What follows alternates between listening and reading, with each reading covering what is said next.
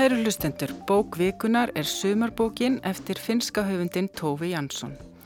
Hún kom fyrst út á frumálinu Sænsku árið 1972 og var nýlega gefin út í íslenskri þýðingu Ísaks Harðarssonar. Tófi Jansson fættist árið 1914 og náði nokkuð hámaldri, lést 86 ára árið 2001. Hún er langþægtust fyrir bækur sínar um múminálfana en hún skrifaði líka fjöldanallan af smásögum og nokkra skáldsögur fyrir fullotna. Fyrsta smásagnasafniðanar, Dóttir myndtökvarans frá 1968, er að miklu leiti sjálfsæfisögulegt eins og nafni gefið til kynna en fadir Tófi var myndtökvarinn Viktor Jansson og móðir hennar Signi Hammesten Jansson var myndskreitir og grafískur hönnuður og hann aði meðalans frímerki.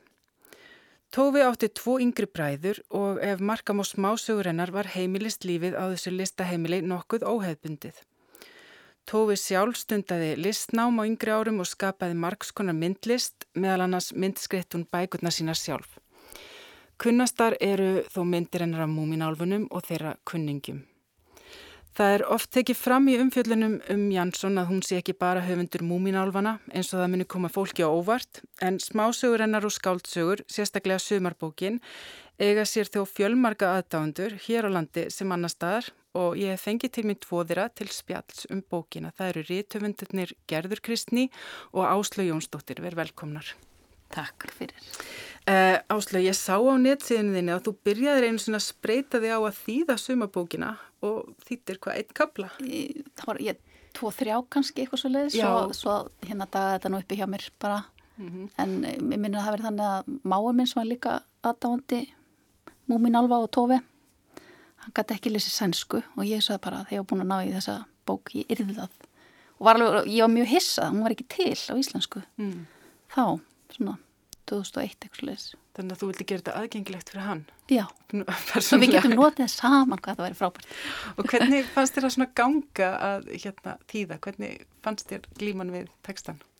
Já, það greinlega gekk ekki alveg upp hjá mér en, en hérna, mér fannst þetta mjög skemmtlegt. Mjög skemmtlegt að þetta er svo tengt allt náttúrunni og ég satt í emitt í sveitinni nálagt sjónum og ég held að allir sem að allir eiga búar geti tengt þess að bóka einmitt þess vegna út af náttúrunni, út af tengslunum við hafið, það er alltaf nálagt og, og hérna, já þannig að Þannig að þú þekktir þessa bók nokkuð vel þegar þú ákvæmst að byrja því þannig hvernig svona kynntust henni var? Ég, já, ég vissi ekki valla af henni fyrir en bara þarna ég held ég ná einhverstaðar í svona pocketbóka á flugilli sko. Já, bara vextan fyrir tílinu. Já, já, mm -hmm. þannig að Og hvernig voru þá viðbröðin þegar þú heyrðir að uh, það veri komin uh, íslensk þýðing núna? Ég var bara allsæl og rauka staða kaupabúkina. Já. Reyndar þá var hérna, var ég búin að hérna, verða mútum þar upplýsingar að hún hafi verið þýtt og lesin hérna Einmitt, í Ríkisútvarpinu 79. Kristinn Jóhannesson. Einmitt, en hún var ekki gefin út? Nei.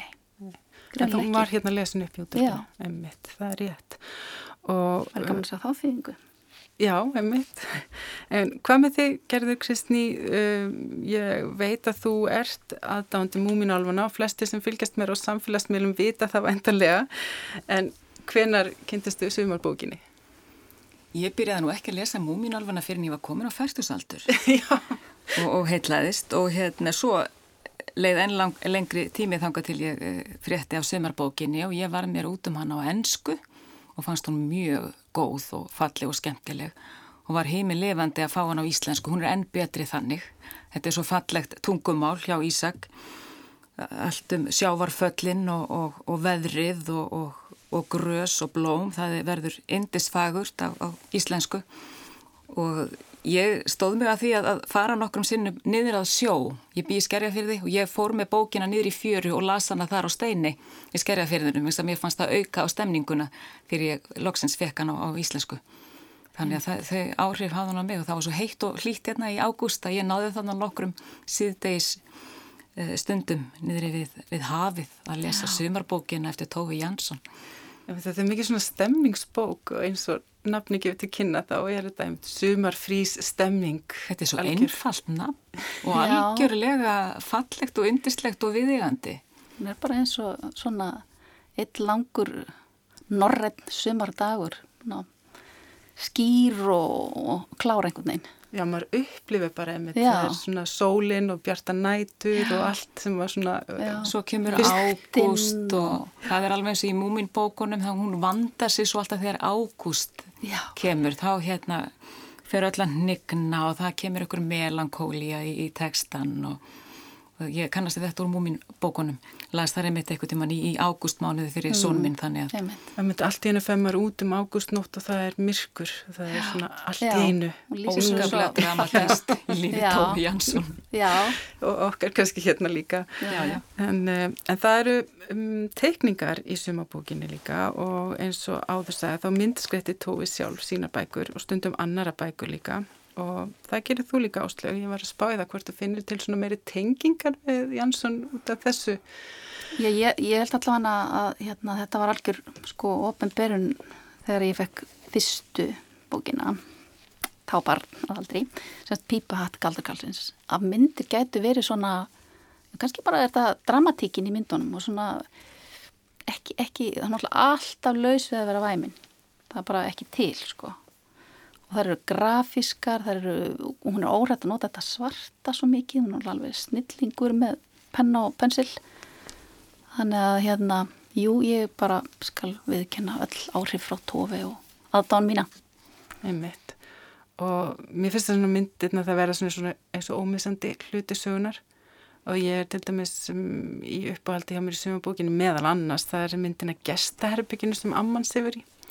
Þessu svona notalega herbyggi sem hún lýsir mjög nákamlega í textanum. já, já, sem er hálfgeitt geimsluherbergi sko. Já, með svona allt fullt af drastli Já, fullt af drastli og fullt af einhverju fötum sem að, svona útifötum sem hang upp á uh, vegg og það eru bensínbrúsar undir uh, pallinum og, og hérna og það er svo gaman að geta þá séð síðan myndina af herbygginu, það sem passar fullkomlega við lýsinguna í textanum já, já, og maður sé líka ömmunu upp í rúm að lesa, það, svona mjög notalegt. já, já. En hún teiknaði ekkit myndirnar fyrir uh, þíski útgefandin, baðan um þetta. Já. í sömubókina Já, já. þá, þá það var eitthvað, hún hérna til mér svaldi það að sína ekki andlit sem ég fannst mjög, kannast vel við svoleiðis pælingar að gefa ekki ómikið upp eða, eða hérna að það sé sínt í andliti einhvern veginn hvernig fólki líði og svona heldur Já. þetta er bara þessu er myndin af stelpunni sem að að þýski útgefandin baðanum að teikna myndir. en hvað með fyrst ykkur, er þetta einhver ykkur svona uppáhaldsmyndir? þannig að það sem þær eru saman finnst mér, stórufalli mynd það sem að Það sem það sést- já, það gróður og fuglar og það er bara baksvipnum þeim og svo líka stelpan við þarna mini fenæjar sem það er Já, búa til það eru no nokkrar, já, dásanleg einmitt. Og það sést einmitt alltaf aftan á fólk. Já. já. Þar sést amman líka hérna í feneiga leiknum stöylast við staf hérna, svona hrun þessi já, reykingakona sem er alltaf Já. með livjabóksið í, í vasanum. Og það er líka mjög dramatísk sko, stund í sögunni því að hún er að fara út í óveðri til að bjarga þessum hérna, já, fennium, leikfangafennium. Það er svolítið gegnum gangandi það er svona hérna lýsa því að það þurfti meira drama. Og svona, það er, þetta er það er hérna. En uh, eins og ég sagði þá uh, margar af sögum Jansson þær eru byggður á hennar eigin upplifunum og benskuminningum en uh, líka reynslu fullarins árana og meira segja badnabækurnar um múminálfana uh, hafa uh, geima æfisögulegar vísanir eins og Þórdís Gísladóttir Rítufundur og Þýðandi benti á uh, til dæmis í sjónvastættinum Kiljunni fyrra. Þórti segir að personuna þöngull og þrasi sem í sænsku útgáfin eru reyndar kvenkinsverur, það skipt um kyn í íslensku þýðingunni, að þessa personu séu byggður á tófi og fyrrum ástkonennar Víviku Bandler. Og svo eh, var líka lífsförunauti tófi Túlíki Pétile sem hún fór í samband með í kringum 1950. Hún byrtist hins verið í múminsögunum sem fyrðu veran tikkatúm, segir hún. Þið kannist vantilega við þetta, þessar tengingar. jú, Þannig að hún svona skrifa svolítið svona æfisulega þætti inn í e, verkinn sín. já, og kannski karakterina Já, sko. kannski hún er karakter alltaf svo einkenni. mikla áherslu á personur. já, Og líka í sömarbókinni þegar mammenar er þessi gamla kona og, og, og Sofí er, er bróður dóttirinn, Einmitt. dóttir Lasse. Einmitt, þessi sumabókin, hún alltaf bregður upp þessum myndum úr sumardvöl lítilla fjölskyldu á eigu í finska skerjagarðinum og það er hérna stúlkan Sofja með ömmu sinni og föður. En það kemur alltaf fram þannig í uh, annari sögunni að hún sefi núna í sínu eigin rúmi að því að mammin er í dáin. Og personirnar í bókinni eru byggðar á eins og segir móðurtófi og bróðurinnar og bróðudóttur Uh, sjálf valdi tófi líka mikið í skerjagarðinum bæðið sem barn og fullorðin þannig að eigalífið er líka eitt meginn þema bókarinnar. Og móður missirinn var náttúrulega tófi ofarlega í huga þegar hún skrifaði sumabókina því að móðurinn er lést árið 1970 tveimur árum áður en bókin kom út. Og þá var hann 88 ára gömul og hún er hansi gömul mm. eh, amman í þessari bók, hún er eitthvað þarna örglega kringum 86 hún er fætt sama ár og, og móður hennar tófið að kemur fram. Þannig að hún byggir þetta svona mjög mikið á henni greinilega. En eh, bókin hún skiptist í marga stuttakabla og hver og einn gæti náttúrulega staði sem sjálfstæð örsaga. Það er svo ótrúlega miklu komið til skila í stuttumáli og hún er sérst ekki svona knúin áfram af hefbundnum sögutræði Hún er fyrst og fremst lýsing á eigalífinu annars vegar, náttúrunni og samfélaginu sem þar myndast og hins vegar hún er lýsing á personum. Eh, það er þessi aðla ömmunni og stelpinu Sofíu. Pappin er yfirleitt fjárverandi, hann er ímist sofandi eða veiða, hann er í bæjarferð eða vinna eh, og ömmunni og stelpunni kynnist lesandin hins vegar sífælt betur með hverju sögunni og þar eru svona þurfa að standa fram fyrir ímsum áskorunum, þær hafa ymsar væntingar til lífsins en þær eru líka oft í uppreist, þær eru að upplifa reyði og sorg og það er svona mjög mikið í gangi hjá þeim. Og það er líka náttúrulega lýsing af þessum æfiskeiðum sem þær eru á, æskunni og ellinni, þannig sem svona stilt upp kannski bæði anspæni svona hver annar er en líka samhliða, það er svona ímestlega sameilegt líka með þessum æfiskeiðum það er náttúrulega ráða sér ekki alveg sjálfar Nei. en Jórun Sigurdóttir hún rætti Vísa Karðarsson í þættinum orðin bækur og hún uh, talaði við hann meðal annars um þessu uppbyggingu bókarinnar fyrsta sagan gerist snemma vori Þó það sé ekki línuleg eh, tímaleg framvinda í bókinni þá er fjölskyldan í síðustu sögun að búa sig undir að hveðja eiginu að hausti en Ísak vil meina að umfjöllunarefni sumabókar hans sé að þó kvorki há tíman í stað. Hún er svo tímalus og uh, hún getur gerst hvena sem er. Mm. Þessar litlu sögur sem er myndað þessa bók Amman og Sofía á samt pappanum sem kemur lítið við sögu það eru náttúrulega stattar á eigu í mm. finska skerjagarðinum og þar getur verið hver sem er sömarbókin, hún, hún lætur óskaplega lítið yfir sér en þetta er einhvern veginn bara bókum svona lífið og dauðan mm. og e, personurnar þarna Amman og Ömmurstelpan, hún Sofía Bókin fjallar aðalega um samskipti þeirra og, og samtöl og, og hvað þeir eru að baralla svona saman og, og þær eru þarna bara fulltrúi lífsins. Það, þarna mætist sko æskan og ellin, e, sakleysið og reynslan, frekjan í, hérna, í stelpunni og svona... Hún stappar stundum í gólfið og orgar bara. Vissulega og svo, svo svona hérna yfirvegunin sem amman hefur reynd að temja sér yfir aðvina. Við heyrðum hér Ísak Harðarsson segja frá sumarbókinni en þó hann segja að amman og stelpan gæti verið hvar sem er þá er eigin sjálf náttúrunennar og eiga samfélagi líka í aðalhlutverki eða hvað segir þið gerði Kristni og Áslug, hvað segir þið um hlutverk eiginar í þessari bók? Já, Sofja er nýbúin að missa mömmu sína og þetta er heimur sem ekki er, ekki er hægt að stóla á. Þannig að ægilegt fyrir batna að missa annað foreldri sitt. En eigin þar heldur ekki hægt að stóla á hana. Því að hún það er sagt að hún já hún flýtur um. Mm -hmm. hún er laus, hún flýtur og hún, hún stækkar og mingar segir í annari sögu. Þannig að þetta er svolítið, svolítið varhugaverður heimur sem batnið býr í. Um þetta Það er, það er kannski einmitt aðeins og reiki til þess að þú veist, eigin er stór, allt í henni koma kýr og það lítið þá verið einhver staðar bóndabær og samt er svona mörkin mjög nálæg sko. Og, og hérna en auðvitað eru þá að þá eru fleiri eigjar og það eru þarna að fara á millit aldrei mm. en, en sko ég meina ég held að Tófi hefði ég vel sjálf af því hún var svo mikil eiga kerling og þráði að búa á eigum að, að þar væri frelsið sko. En það er um leið eins og allir vita sem búa á eigum að þar er líka, eigin er þessi takmörk sko, það er frels og helsi að þú kemst ekki af kannski eiginni eða, eða ert þarna innan marka eigunar. Hún let sér alltaf dreyma um eignast eigi og gerði, gerði þannig til lokin en, en svo var þetta vandræðilegt vegna þess að það kom allt og margir gestir Já. En þetta var svolítið svona frústirandi fyrir hana. Þá fór hún á aðra eigi. Já, ummitt. Já, það bara. En þetta var svona í gleði að eignast eigi og auðvitað vil maður fá vini sín í heimsókn svo eru þeir og margir þannig að þetta er einhvern veginn svona, þetta er greinlega erfitt að eiga eigi. Maður á að vara sig á því. Já, já.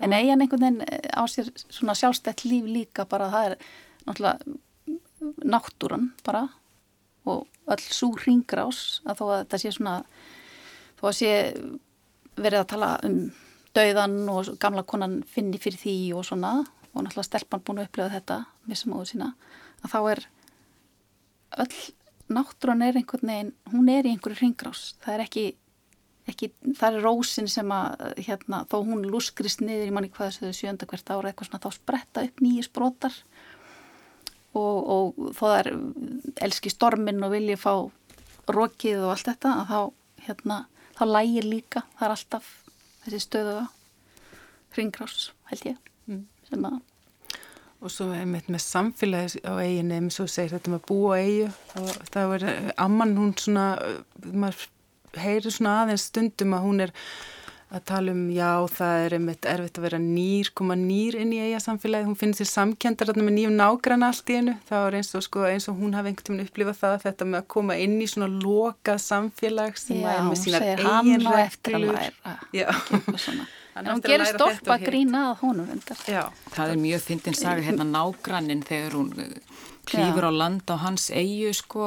Það er brjótast inn. Það er brjótast inn og svo kemur hann að þeim og þá verður það rendilega að fara í heimsók til hans, þetta er náttúrulega bara svo vandræðilegt, þetta er svo úr einhverju unglingabók sko. Já. Þannig að maður veit aldrei sko, hver er krakkin og hver er fullorðin, já. þetta er eins og með bækurnir hennar, þær eru fyrir fullorðna og börn, já, það er engin mörg og það er eins með karaktera þessara Sofí og ömmunar sko, það eru stundum eins og fullorðnar en stundum báður eins og krakkar og mér finnst það alveg drep skemmtilegt.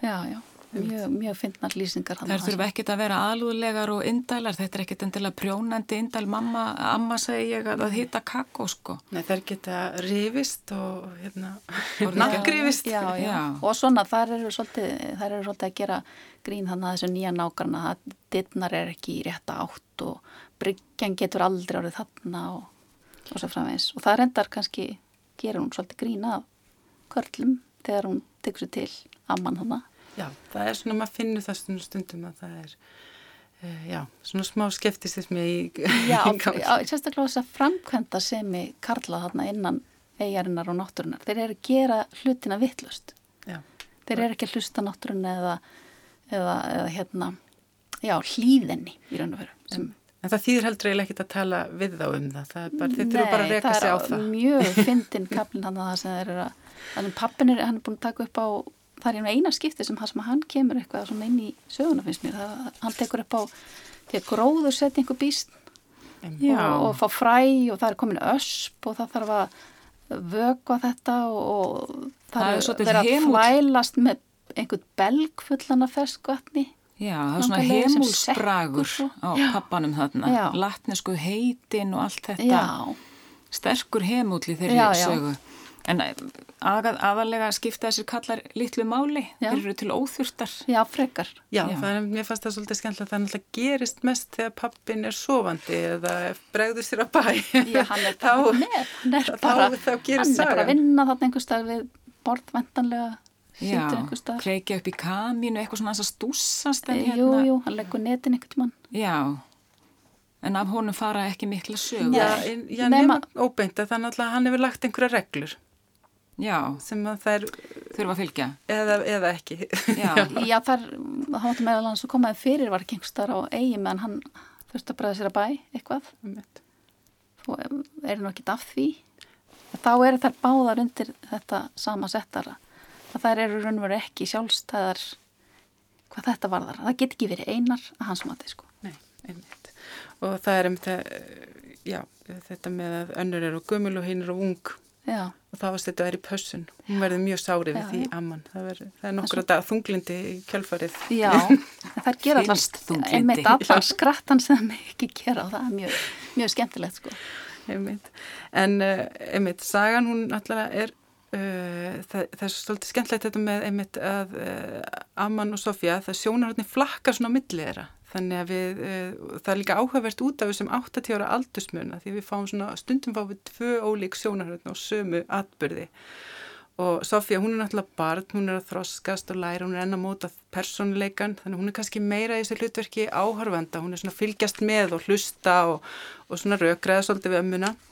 Um, hún er svona að upplifa að taka inn en með amman, mér finnst hún svo flókin persóna, það er hægt að lesa svo mikið út í því sem hún segir og gerir, mann finnst líka svo margt að baki, reynsla og alls konar uh, tilfinningar og skoðanir. Sérstaklega þú nú tala um Guð, þá veit maður svona ekki í hverju konan hefur lent sko, það er hérna eitthvað Já. djúft þar að baki Já. sko þegar hún segir að að, hérna, að, að hún sé alveg á því að, að Guð hjálp okkur en ekki fyrir en við höfum gert bara heilmikið Mhm. fyrst sjálf.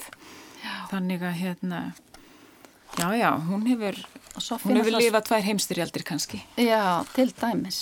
Já, og mér fannst hún vera svona næstu meiri aðalpersonu í bókinni heldur en Sofía þetta Já. maður þarf kannski að lesa meira á milli línana en, en hérna það er eitthvað svona dýft í þeirri þessari ömmu Já, eh, amman er daldi mikið líka lýsa bara því sem hún sér. Barnið gerir þetta og stelpan gerir þetta. mm. Þannig að þetta er meira hennar vingil, finnst mér. og svo náttúrulega svolítið skemmtilegt hún náttúrulega helsti félagi Sofíu og eiginni þær eru svo voð mikið tvær saman og hún er verður eins og einhvers konar lærimóðir en það er náttúrulega mjög sérstakur lærdómur oft sem að er hægt að draga henni og til dæmis þegar einmitt þú nefndir þetta með himnaríki og helvíti það er svolítið skemmtilegt að amman er eitthvað að reyna að taka þátt í þessum leika, ræða um himnaríki og engla og eitthvað, hún missir á endanum þólimaðina sko, hún ennir ekki að rökraða um helvíti, hún er sannfærið með sig ekki til, stelpan er á öðru máli og þá bara uh, ákveður nú verður stelpan að læra umburðalindi fyrir skoðunum annara og hérna stundum verður fólk bara að vera ósamála það verður lærdómurinn það verður fyrir svona óvænta átt. Og hérna það er svolítið svona, mér finnst þetta einmitt svona skemmtilegt með að uh, hvernig amman er mjög sérstaka svona hugmyndur um uppeldi líka. Og hún er náttúrulega uh, orðin, hún er líka orðin svo gömul, hún fær ekki sko að ráða sig sjálf, þannig hún er líka í veikri stöðu kannski í gagvað stelpunni, maður sér að stundum með stelpan svona svolítið ráðskast með hana og svo er hún líka uh, í uppreist sjálf amman gegn þessum reglum, hún er náttúrulega sjálf móðguði við því að fá ekki ráða sig sjálf. Sem þýðir náttúrulega að þá verður yfirvaldi en að svolítið vafasamt. Og mér var svo skemmtileg þessi setning sem er í hérna, fyrstu sögunni, morgunbað. Það er ekki hægt að treysta fólk sem bara leifir öll að gerast og þá, þá vil stelpan er eitthvað svona að segja, ég vil baða mig í allt og djúpu vatni og amman bara segir fínt Já, já, og gjör svo vel. og, og hérna stelpan hugsa, hún veit ekki að ég hef aldrei baðað með ein og hérna ég má þetta ekki. Og, og hérna og þá, þá treystur hún henni ekki alveg. Þannig að það er þetta, sko amman hún er svona ekki, henni er ekki alveg treystandi eða hvað? Mm, sko, ég meina, amman er samt stöðut að að bjarga stelpun út úr alls konar vandræðum. Hún prílar hann eitthvað upp og hrætt við að fara niður og, og, og hún, mér finnst amman oft sko kominni út úr vandræðum á þess að missa svona hérna stoltið og, og, og hérna, það er mjög flink í því amman til gefur henni dæmis. svona sjálfstæði sem- Já, og lætur eins og þetta sé hafi verið hennar ákvörðun eitthvað eða Já. og svo framvegis þannig að mér finnst hún verið að gera stelpuna sjálfstæðir sko. Einmitt, þetta er úr sögunni blankalogn en þá einmitt þegar amman fylgist með Sofíu klifra þá segir henni í sögunni fjárhanskrakkin hugsaði amman, óttalega barn. En svona fer þegar mann er bannað allt sem skemmtilegt er. -hmm. Þannig hún er svo orðljót, maður heyrir aldrei ömmu hugsa svona til barsins síns í, í neinum bókum. Fjárhanskrakkin, þetta er, Já, þetta er alveg, kannski hljómar þetta fallega á finsku, ég veit það ekki. Nei, þetta er þetta skrifa á að þessu, en lætur. svo hjálp henni mitt niður sko, í raun og veru með því að einhvern veginn að tala hana svona að tala Já, til hennar á þess að vera hrætt já, já, já, hún Já. sér að hún er hrætt og, og hérna, það, það þýðir ekki að fara að segja þetta upp átt sko. Nei, fjárhanskrakki Nei. þá þetta er bannið Já, hún hefur vitað því að hugsa þetta bara. Já, já, og svona leiðir hana einhvern veginn oft svona í gegnum einhver, hérna einhver finnst og mér er svo köttin þegar hún býtar út kettin þegar þarna, Það er mjög skemmtileg það er rosa, allt hinn er fólk Og með bát og, og hérna og hérna rólegan spikvetan kött eftir að eftir að eh, þarna kettlingurinn reynist hið verstafól og, og hérna er út að veiðum alla daga og stelpan þólir ekki köttun hendan og það er, það er eitt þarna svona ef ef við erum að tala um anstæður sko þá er þetta svona ástarhatur samband þarna Já, hún segir eitthvað með að, að hérna, því meira sem maður elskar einhvern, þeim mun meira vill hann ekkert með mann hafa. Já, það er kötturinn sem vill ekkert með hann og hafa. svo Þess er er verð og verð.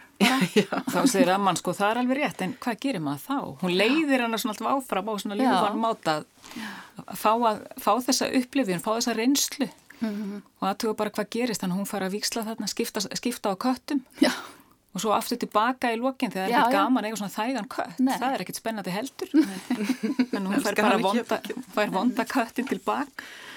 Einmitt, og þetta með að leifa uh, stelpunni að prófa sig áfram og uh, amman hún svona alltaf átta sig kannski á því að það er ákveðin línudans þarna á milli þess að leifa börnunum að átta sig svona á lífinu sjálfu en líka því að maður stundum verður maður að vernda þau líka. Og við skulum heyra smá dæm úr sögunni vofuskóginum. Lengst innundir lágróðrinum í sítimum hólum hafðust við fuglar og smádýr. Í kyrru veðri mátti heyra skrjáf í vangjum og snögt þruski í loppum. Þessi dýr letu aldrei sjá sig. Þá satt ammaninn í vofuskóginum og tálkaði kynjadýr. Hún tálkaði þau úr greinum og trjánniðjum og sett á þau loppur og andlit en útlit þeirra var fyrir mér óljóst, aldrei of greinilegt. Þau heldu viðar áferð sinni og sveigð bökinn og fæturnir báru áfram óræð form hráafnisins. Dýrin voru enn sem fyrir hluti af morgnandi skóginum. Stundum skar amman þau beint í rótarniðju eða trjástofn og trédýrin hennar eruðu fleiri og fleiri. Þau hengu í trjágreinum eða sátu á þeim klofvega eða hölluðu sér upp að stopninum, stóðu hálsokkin í blöytum jarðveginum með úttegða arma eða lágu í hnebri og sváfu upp við trjárætur. Stundum sást þeim bregða fyrir í svip inn í skuggunum og stundum voru þau tvö eða þrjú saman að kljást eða knúsast. Amman vann aðeins með gömultré sem áttu ekki eftir að vaksa frekar. Þau gáfinni hugmyndirnar að útskurðaverkunum. Einu sinni fann Amman stóra hvíta hryggjarsúlu í sandinum. Hún var of hörð fyrir tálkunhýfin og gati rauninni ekki orðin eitt fallegri. Þess vegna kom hún henni fyrir í skóginum eins og hún var. Hún fann fleiri bein, grá og hvít, sem sjórin hafi skólað á land. Hvað ert að gera? spurði Sofía. Ég er að leika mér, svaraði Amman. Sofía fór inn í vofuskógin og sá allt sem Ammanar hafi búið til. Er þetta listaverkasýning? spurði hún. En Amman sagði að þetta veru ekki listaverk. Listaverk veru allt öðruvísi. Hér las Guðrún Sólei Geststóttir upp úr sumarbókin eftir Tófi Jansson sem er bók vikunar. Uh, Sofía reynir að taka þátt í leik ömmunar en uh, það verður henni í rauninu ofið að hún heila svona, þetta verður of óhugnulegt fyrir batnið og amman finnur það, hún kemst að því að þetta gengur ekki. Uh, batnið getur ekki notað aðferðir ellinar í rauninni til að horfast í augu við dauðan. Hún hérna uh, þarf annars konar leik og þannig að amman fer bara að hugsa um að byggja hús úr elspítustokkum og hafa það í fjörinu og hafa blábyrjastilki í bakgarðinum byggja lítið heimili fyrir stelpuna og skapa öryggi þannig að, þarna er þetta er svona dæmum það hvernig amman eh, kannski áttar sig á því að þarna gengur ekki að láta stelpuna horfast í aug við staðrendir og hauskúpur og, bein þannig að svona já þetta er svona kannski dæmum uppveldis aðferðir ömmunar Já, hún sveiflar þarna hauskúpu af sel framann í, í krakkan og það er einum og mikið. Já. Og þá lúfar hún líka, hún bara aðtugar hver viðbröðin verða og, og, og hörvar síðan. Þannig að það er bara, hún er alveg á réttu róli finnst mér af mann. Mm. Það er svona að því þú nefndir leikin, fenni er leikurinn, en það, það er samt aftur sko, þá sækir stelpan í, í hryllingin og, og þetta kemur út af postkorti sem kemur og það er á því líst svona hvað þetta er fallett gondólar og það er gull uh, prentað á korti hér og hvar á réttum stöðum. En sko eins og segir búin, en Sofía vildi bara um heyrum fenir og sérstaklega um dimmu síkin sem lyktuð af miklu og rótnun og dróu borgina æneðar í leðjana með hverju ári ofan í svarta og, og gljúpa eðju þar sem diskar úr gullila og grafnir. Þetta er náttúrulega bara daldir hyggalegt og ég hef engan heyrt tala sem um finnir sko Nei. Það er allir bara í rómansinum. En þessa bók samti hún hún Tófi Jönsson á mikilli reysu, hún var í heimsreysu í átta mánuði þarna árið 71 og skrifar þá þessa alfinsku bók finnst manni. Manni, manni finnst hún hljóta að hafa komið sér fyrir í einhverjum kofa út á eigi og, og skrifa hana þar en nei, þetta er svolítið magnað sko. Já, já, náttúrulega með, með sína eigi í blóðinu sko. Já, hún er Svo- bara í Japan og Hawaii og Mexiko að skrifa þetta, þannig að það er stórmerkilegt eiginlega. Og þetta sínleika þetta hættulega og þetta svona það er dauðin er svo voðalega mikið nálegur alltaf í þessari bók en þessi hætta það skapar nöðsynlega spennu. Kannski Já. bæði bókin en líka sko á eiginni, ég meina stelpunni finnst ekkert gaman ef allt gengur of vel. Það þarf Nei, að vera eitthvað að er bara- gerast. Það er bara leiðindi.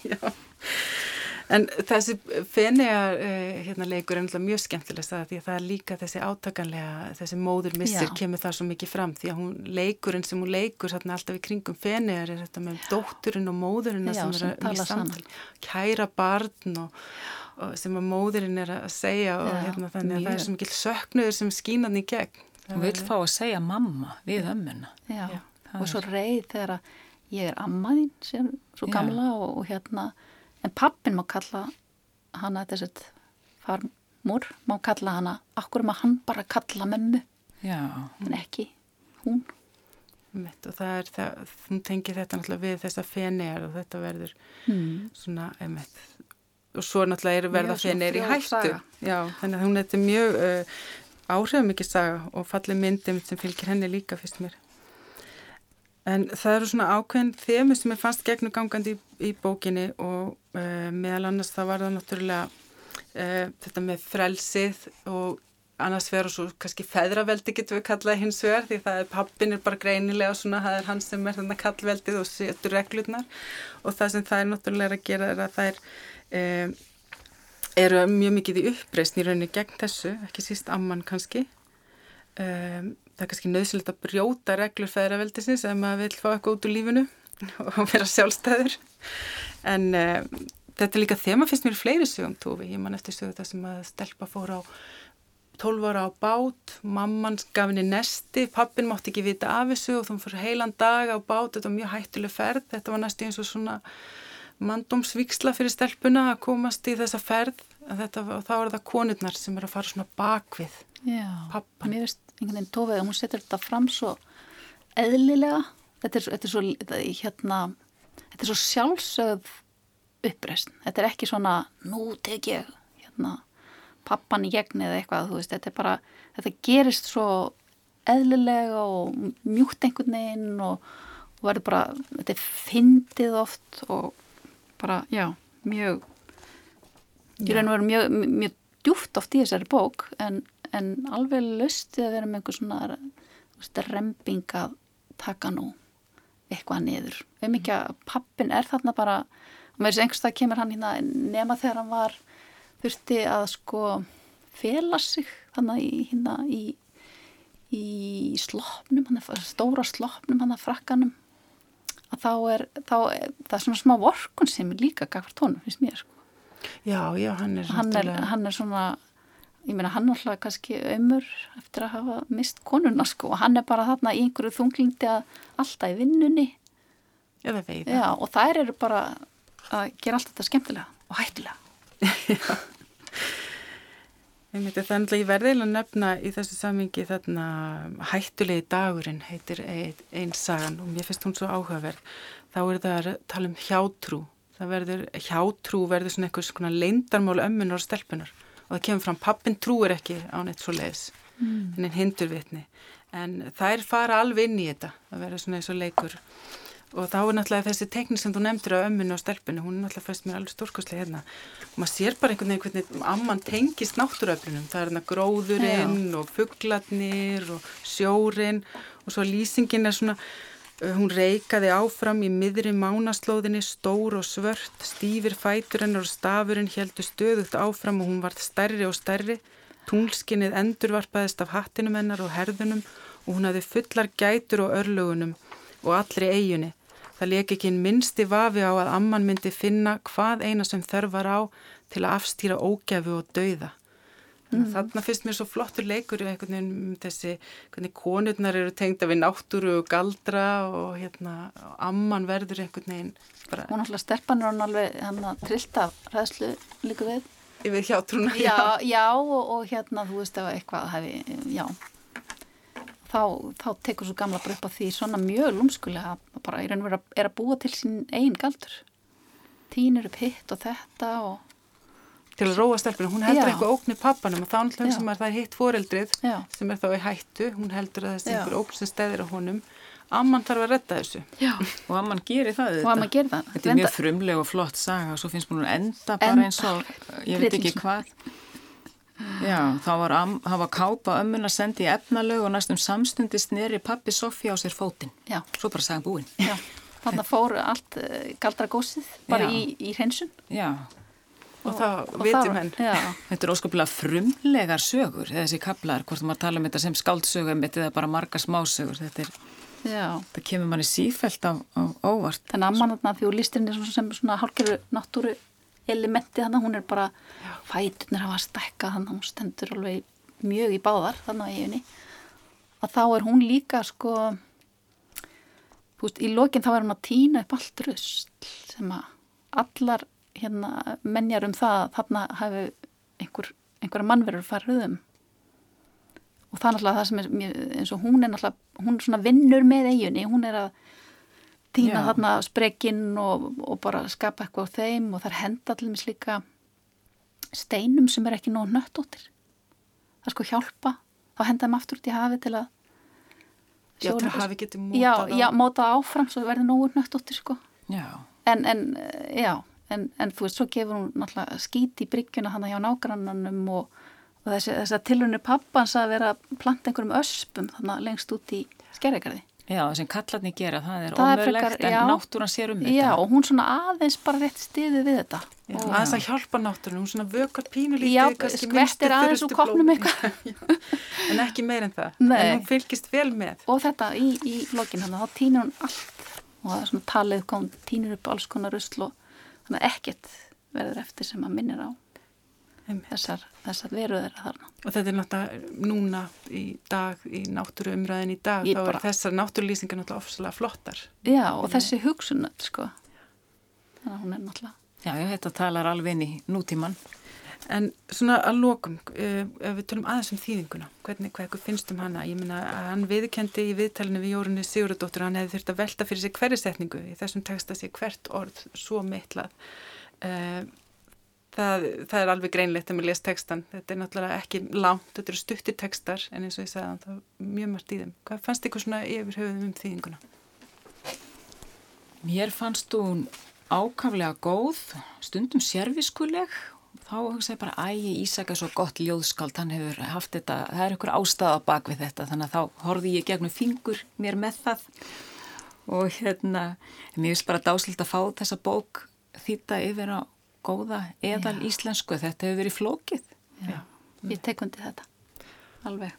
Og þessi mána slóð, ég hérna, hegg eftir henni tvísar í þessari bók Þetta er orð sem er ekkert tilnima bara í sænsku, þetta þegar, þegar tunglið hérna speglast á hafletinum. Býti svona braut. Já, Já, það er bara eitt af þessum orðum sem er ekkert til við það sko. Þannig að, að það þurfti bara að, að vanda sig. Þetta er Já. ekki sjálf gefið hvað á að velja í sumum tilfellum. Nei, aldrei ekki. Nei, mér fannst bara... það ná mjög vel svona stemmingunni í bókinni mm. og já, þessu bara og, og kannski personunum verða mjög lifandi. Já, já. en við verðum að þá að ljúka þessir umfyllunum bókvikunar suma bókina eftir Tófi Jansson í þýðingu Ísaks Harðarssonar Gestir þáttarins voru Gerður Kristni Guðjónsdóttir og Áslu Jónsdóttir. Ég þakka ykkur fyrir ykkar innlegg og ég minni hlustendur á heimasíðu þáttarins rú.is skástrygg bókvikunar. Þar má meðal annars finna upplestra og viðtöl sem tengjast bókum vikunar hverju sinni. Verið sæl.